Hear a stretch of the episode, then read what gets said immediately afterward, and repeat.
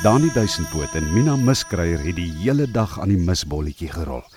Hulle was moeg toe hulle uiteindelik by Mina Miskryer se huis aankom. Dit was al amper donker en Dani Duisendpoot moes nog 'n ent loop om by sy huis te kom. Maar hy het nie kans gesien om huis toe te gaan as hy nie geweet het hoe om vir al sy honderde duisendpoot kinders name te gee nie. En nou toe Mina, sê Dani toe hulle die misbolletjie by Mina se huisie inrol. En nou moet jy vir my sê hoe ek vir my kinders name kan uitdink.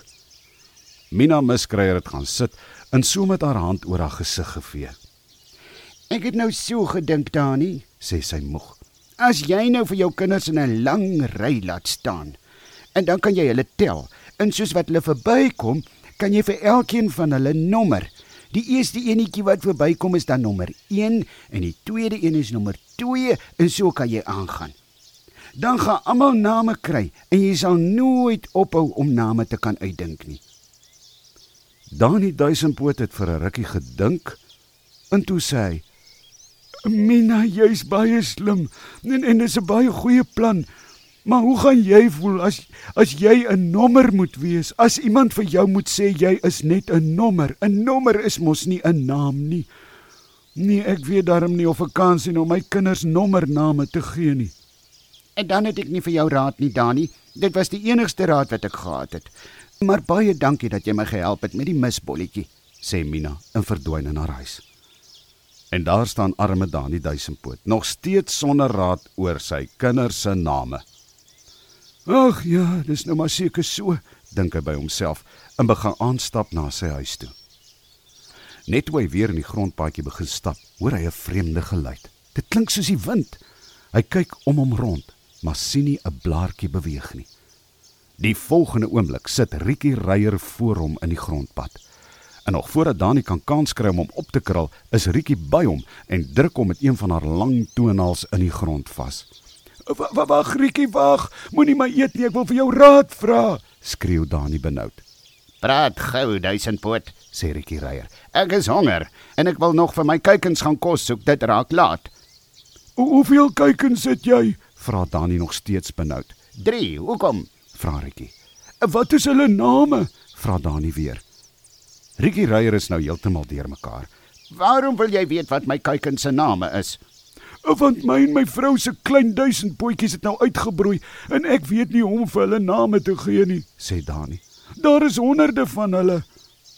Rikkie is so uit die veld geslaan deur Dani se vraag dat sy skoon vergeet om hom op te eet. "My aarde duisendpoot," "Dani," sê hy. My naam is Dani Duisendpoot. En my aarde Dani Duisendpoot, dis nou vir jou 'n ding. Ek het nog nooit gewonder hoe om vir my kuikens name te gee nie. Ek gee sommer vir hulle name. Maar 'n paar honderd kinders.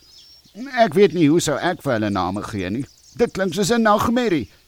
Maar jy moet dink, Riekie Reier, sê Dani. Ek moet nou huis toe gaan en vir hulle name gee. Hoe gaan ek maak? Ek sal vir jou sê wat. Neem my na jou huis toe.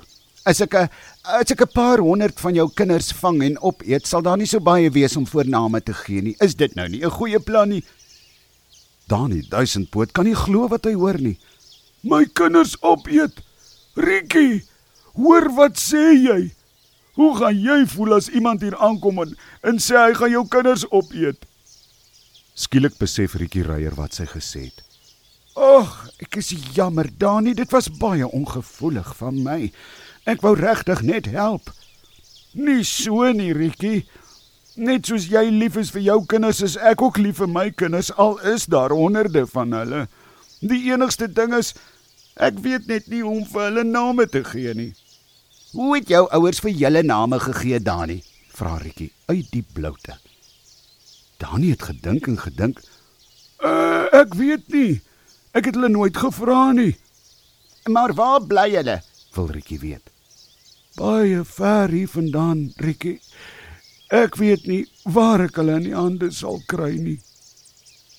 Dan gaan soek ons hulle, sê Rikkie en kry skielik vir Dani duisendpoot baie jammer.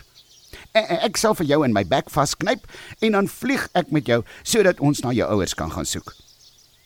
Dani duisendpoot was maar baie bang vir Rikkie Reier se skerp bek en lang sterk pote. Maar hy moes haar vertrou om sy ouers op te spoor. En so is die twee daar weg.